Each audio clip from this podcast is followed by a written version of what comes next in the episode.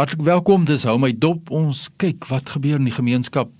Watter uitdagings het ons mense met gestremthede en wat lê ons mense met gestremthede na aan die hart? En my gas vandag is Erika de Tooy van die Weskaapse Vereniging vir persone met gestremthede. Welkom hier by ons Erika. Dankie Fanie, dit is lekker om weer met julle te kuier. Erika, die kerk lê ons mense met gestremthede of baie mense met gestremthede baie na aan die hart. En jaarliks is daar 'n nasionale inisiatief wat hier einde Augustus wat ons sê kom ons praat oor die kerk. Kom ons praat van die woord van die Here en ons kyk wat is die toeganklikheid vir mense met gestremthede in kerkverband. Nou die Sondag wat daar is word bestaan bekend as gestremdheid Sondag of Sondag vir persone met gestremthede. Wat is dit? Bonnie, dit is dit neem jaarliks plaas en en terloops dit is 'n internasionale inisiatief. Hmm. Ehm um, het ek ook onlangs uitgevind. Dit is die laaste Sondag in Augustus. Hierdie jaar is dit die 30ste Augustus. En dit dit gaan oor om bewusmaking te skep oor die insluiting van hmm. persone met gestremthede in plekke van aanbidding. Ehm um, dit is nou tradisioneel in kerke. Ehm um, maar by Weskaap IPD besef ons ook daar is ander plekke van aanbidding. Ja. Ehm um, jy so ons maak dit ook vir almal. Nou is so dag regtig nodig? Is kerke nie maar toeganklik nie? Ehm um, nee, eintlik. Uh uh glad nie. 'n Mens sou graag wou gehad het dat dit is, maar dit is nie. En as ons kyk na na internasionale syfers en statistieke oor gestremdheid en wat sê dat 15% van die wêreld uh bevolking gestremdheid het, dan kan 'n mens ook sê in in elke gemeente is daar ongeveer 15% van die gemeentelede wat potensieel 'n verlies het wat dan as hulle in die kerk is 'n gestremdheid kan wees wanneer die kerk hulle uitsluit. Ja, dis interessant. Toe die Sondag gaan regtig rondom hierdie feit en die bewusmaking van nee, kerke is nie toeganklik nie. Hulle is gewoonlik is daar 'n 'n ramp by die voordeur of selfs steek by die agterdeur. Ehm um, en miskien is daar 'n badkamer wat wat omskep is om toeganklik te wees. Maar verder as dit, die you know mense mense besef nie wat is toeganklikheid. Veral nou in 'n kerk, in 'n kerklike opset. Ja, en toeganklikheid gaan nie net oor die fisiese omgewing nie, nee, wat een spesifieke ja. gestremdheid raak nie. Dit gaan oor die dienste, die produkte van die kerk. Dit gaan hmm. oor wijkbyeenkomste wat gehou word en dit gaan ook oor meer as een vorm van gestremdheid soos jy tereg gesê het. Ek meen ons kyk na mense met gesigverlies, gehoorverlies, mense met ander forme van gestremdheid wat totaal heeltemal uitgesluit is weens die feit dat ons hierdie uh, wheelchair ramp approach het en ons dink 'n kerk is toeganklik of 'n gebou is toeganklik as 'n rolstoel kan ingaan en dit is 'n groot uitdaging. Nou wat sê julle vir die vereniging vir mense, hoe kan julle die kerk meer toeganklik maak?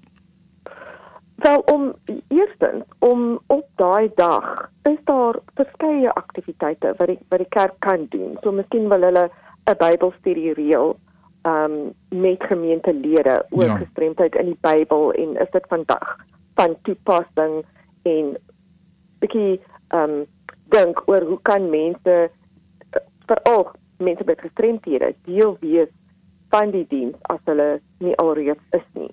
Um as daar iemand met 'n gestremdheid is binne in die gemeente, miskien gee hulle 'n kans om te praat oor hulle ervaring binne die kerk en wat die hmm. gemeente kan doen om daai persoon ehm um, tuis te voel en en dan ook natuurlik 'n praatjie deur iemand wat gestremdheid ken.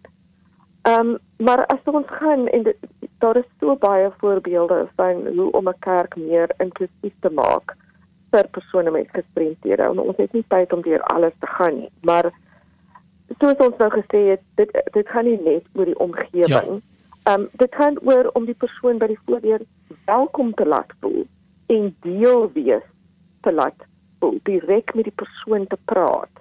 Miskien ja, 'n parkeerplek voor die kerk en 'n toeganklike badkamer, maar dan weer wat van wat van sitplekke? Miskien het iemand hulp nodig om van die voordeur tot by sy sitplek te kom. Ja, ja. En met mense met gehoorverlies, miskien moet hulle heel voor sit as hulle nie ehm um, heeltemal kan hoor nie of druk die preek uit en en die Bybel lees stukkies. Ehm um, as hulle gehoorverlies het, kan hulle terwyl dit gelees is, kan hulle dit self lees. Self 'n groot druk Bybel. Ek weet my kerk het 'n het 'n Bybel wat in groot teks gedruk is. Ehm um, ook 'n stil omgewing eers. Ehm um, waar as iemand net te sensories oorweldig is, kan hulle net bietjie uitskuif en daar gaan sit totdat ja, ja. hulle reg is. En ja, daar is omgewings ehm um,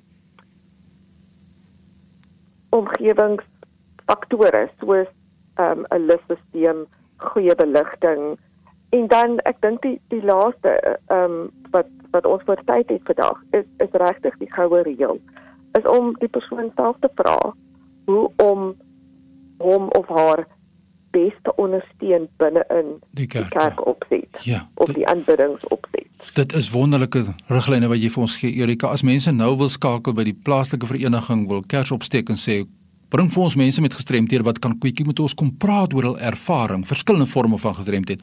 Waar kan hulle hmm. vir jou aan die hande?